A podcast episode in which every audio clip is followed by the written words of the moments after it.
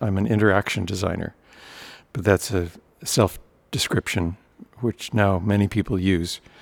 My history, though, is in mechanical engineering and what we then called uh, human or man machine systems, describing pilots and people who drive cars as controllers. So we could do mathematical models of the job they're doing and describing humans as information processors or as controllers or decision makers. So these are all areas where there are good mathematical models of humans that can be used either to check whether humans are doing the right thing or simply to describe what they do do. And so that was a, a fairly core PhD work that I did in the 60s and 70s at MIT. We were concerned then with computers, though, because we could see that computers were part of the control systems that pilots used. In airplanes, there's a lot of computers, there's a lot of automation now. And even airplanes can take themselves off, they can fly from here to there and land themselves. But somehow we still have pilots, and we think they're there for good reasons. My master's thesis was about how do you create interfaces for supervisory control? How do you, as a human, operate a machine that has a computer in it so that you can tell the computer what to do? You can either grab its hand and guide it. I call that analogic control.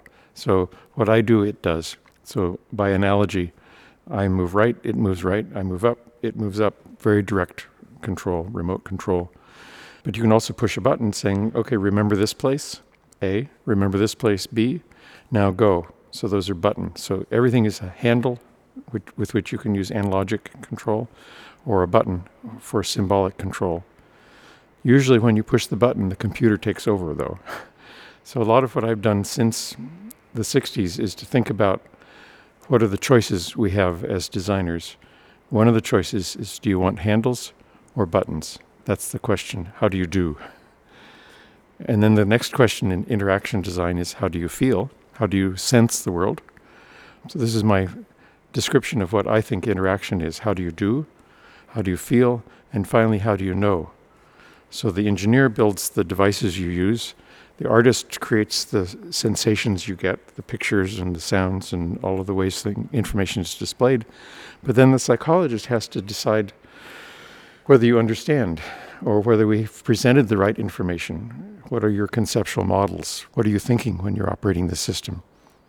So that's my definition of the engineering, the art, and the psychology of human machine interaction.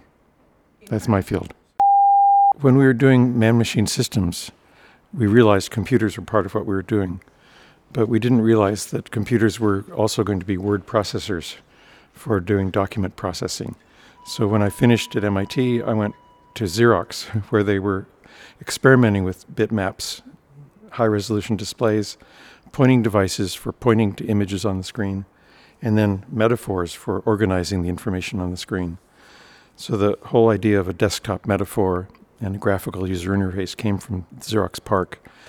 And I was part of a group that was charged with deciding, for instance, what should the icons look like? Should the mouse have one, two, or three buttons on it? How should we lay out the keys on the keyboard? What should the phosphor of the display be? What should the background display be? So it was a testing group, and we came up with principles that we believed were the the way to describe our system. So there needed to be a consistent user's conceptual model, not just a metaphor, but a model that is scientific and the programmers can program it. And that our hope was that people would understand the basic model. Everything can be selected with the mouse. Everything can be operated on, whether it's a character or a page or a folder, by moving it, copying it, deleting it. Those are the basic editing functions, or opening up some kind of control panel. So that was the basic conceptual model for the Xerox Star, it was called. Apple picked up on it really quickly with the Lisa and then the Macintosh, and that's all history now since the early 80s. At that time, there was no professional field that studied user computer interaction. And the ACM, Association for Computing Machinery, started a group called CHI, Computer Human Interaction. And I was one of the founders of that group. We did papers we did publications and we started teaching it to people So it became a fairly well established discipline. The important thing about technology is that it's really seductive. I'm seduced by it, and I really love it. And I like creating it. I like making things that are magical, to use a loaded term. It's a little bit like language evolving. First ideas get names, like an icon or a desktop or a mouse, or better, a cursor. What is a mouse on the screen? And what is a cursor? Everyone knows that there's something on the screen that represents you, and the mouse is on the table, so the cursor represented the mouse. You thought of it as your presence on the screen. As the mouse moved, the cursor moved. So everything went through the cursor. Now there's a whole field of design. How do you make user interfaces that have no cursor? You touch something, and it's a physical thing that lights up or moves or swipes or opens up. Uh, so there's many single gestures, but they're now multiple gestures. Swipe it to the right. Use two fingers on it use two hands. So there's a huge variety of computer human interaction. I should point out that I'm not really a researcher. I was a researcher and a teacher until I went to work at Xerox. But until then, I'd been nine years a graduate student and four years a professor. So I'd been a, a researcher for only four years. Maybe I did some research as a PhD student. And what I most enjoyed about that was the teaching, not the research or the publishing. So I was never very successful academic as a researcher.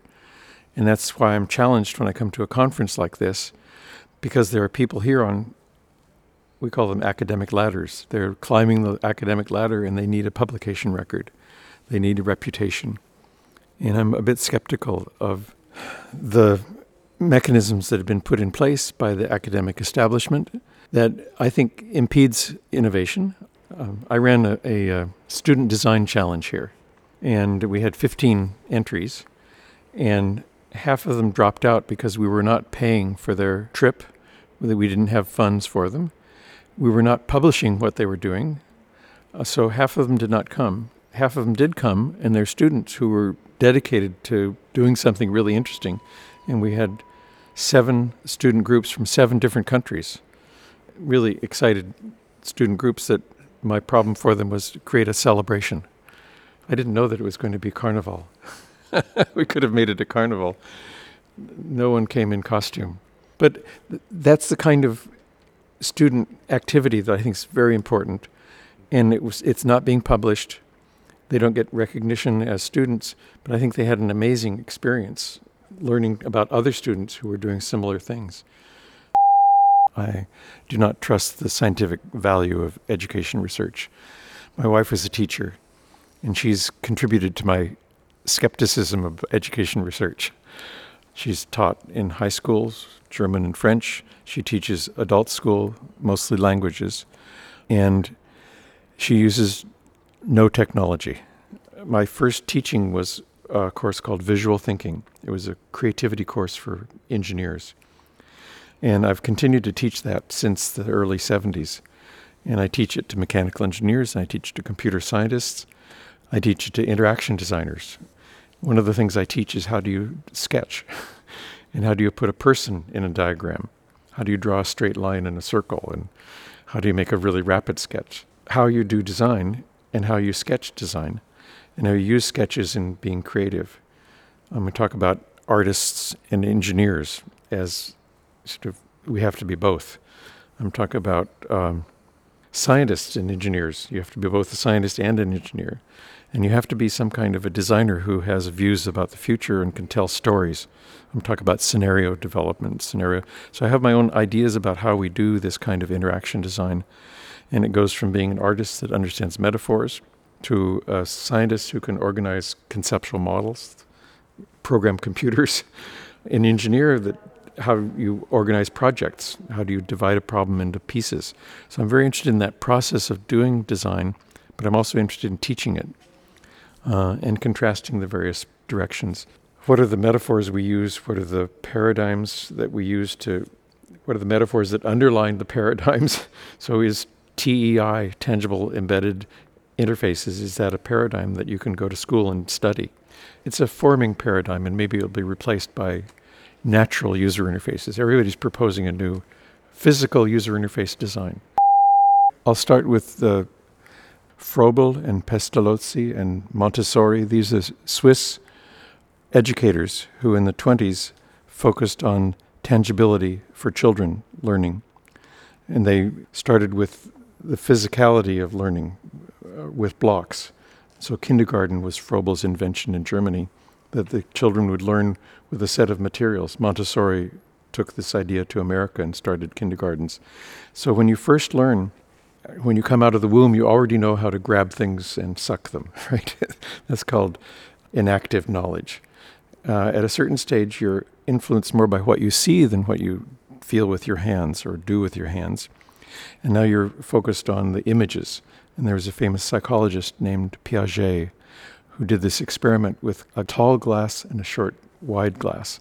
He poured the milk from the tall glass to the short glass or the wide glass, and then he poured it back. And he said, Which is more? And if you're smart, you realize that all that really matters is the amount of milk. but the tall glass looks like more. And so if you're an iconic thinker, you think with your eyes, you think with the images, you don't understand the abstraction of quantity. you just it looks bigger. You're ready then at age six, seven, eight for things like algebra. You can represent things with a symbol. So there are three stages in uh, Jerome Bruner's view. Piaget had four stages. He said there's this enactive stage when we do things, there's the iconic stage when we look at things, and then there's the symbolic stage when we aren't ready for language and math. And usually, when you get into Stanford University, you are excellent at language and math. You do two important tests the verbal and the then the mathematical. And with high scores, you can get into that school.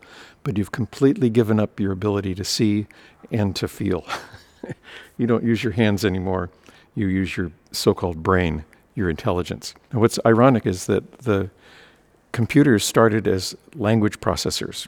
They were intelligent, and the goal was to you talk to it, it talks back to you. You type it, it, it types back to you. And we had these things called teletypes. So that was the first interactive computer. You type and it would type back. It was all a study of language. It was the computer as a language processor. What was important was intelligence. In fact, the model for intelligence was a human. So that's our model for what a computer is. It's just another human, and we want it to be all things that humans can be. So that's a metaphor that has shaped computers as a person, as an intelligence. When we got graphical computers and we had icons on the screen, icons of documents, and we had graphical computing, we paid more attention to how things looked. And uh, I don't know what the right word for it, but it's graphical user interfaces, GUI, you know, the term GUI. So we went from 10 TTY, that's a short for teletype, typing at the computer. The computer's a person. Now, computer's a tool. You can do tasks with it. You can create a, you're a user and you have tasks, and the computer, a good computer is a tool that you use. Now, since then, we've focused much more on media. With Nicholas's assistance, we have a term for it, but it's interactive games and stories, and it's uh, all the things that you want to be more expressive. You're no longer a operator communicating with a computer linguistically or a user trying to, to do a task. Now you're an experiencer or an author or a, a member of the audience. You're the consumer of media or you're the creator of media. So now media is the metaphor. So there's three the person is a metaphor for computer, the tool is a metaphor for a computer. Completely different questions. These are different paradigms that organize your research and your view of what a computer is. And I think the media is dominant now. I claim that there are three other metaphors that underlie those. Computer is not just a human, but it's all of life. A computer can evolve, it can uh, be independent, it can solve problems for you, not just like a human, but it can be an organism that gets better and better every year. So the computer as an organism that evolves, it's life. Computer is life. And there are people, computer scientists, creating amazing autonomous problem solvers that get better every year and uh, there are people who think computers are smarter than people. In fact, they are. They don't forget like we do. They're quicker than we are. And they have broader knowledge than we do. And they just simply need to get their act together and they're smarter than we are. So there's this sort of computer as life, as a life form. That's very close to the computer as a human, but it's a broader sense of what a human is. Human is part of an organism called we call it Gaia. we we in the world are evolving together, and computers simply happen to be extensions of humans or extensions of nature. So there's the Gaia hypothesis that says we will evolve and we are the same as our computers. We and computers together are evolving. So that's the life idea. Computers are life. Underlying the tool, though, is all of the stuff of standards and media and how do you represent things. So there's a huge effort in every industry to agree on standards. There was a man at Xerox. His job was to push the Ethernet standard and to get all of the big companies to agree to that standard so that we could proceed and we could all communicate. So there's the notion of the computer as simply a vehicle of getting information one place to another, representing it. How do you compress it? How do you send it? And there are people who spend their lives becoming experts at that kind of how do you represent things and how do you agree on the standards. So it's I, the computer is a vehicle. you can say, what kind of vehicle is it? Well, is it a car or a train? Is it a ship? Is it a spaceship? Well, there are a lot of nice metaphors to play out. But there's an entire profession focused, mostly engineering, on what the standards are. It's political as well and commercial. And I think if we ignore that realm, we'll be dragged down by the people who own the patents or the people who have political pressure, the people who determine what secrecy and privacy are. And that, that's a big piece of all of these metaphors. Finally, underneath the media metaphor is the clothing metaphor. Computer is something that you wear. And the important thing about clothing is that you make a statement with what you wear. You are part of a society that looks like you and I, with your stubble of a beard and your sweater and your orange shoes. You know, that's a statement. So computers are part of fashion now. And Steve Jobs understood that. He's, in a sense, the hero of computers as fashion. And everything he did had that kind of quality that had a snap to it. And, a, and he understood what a fashionable technology could be. And we literally, we wear our computers now.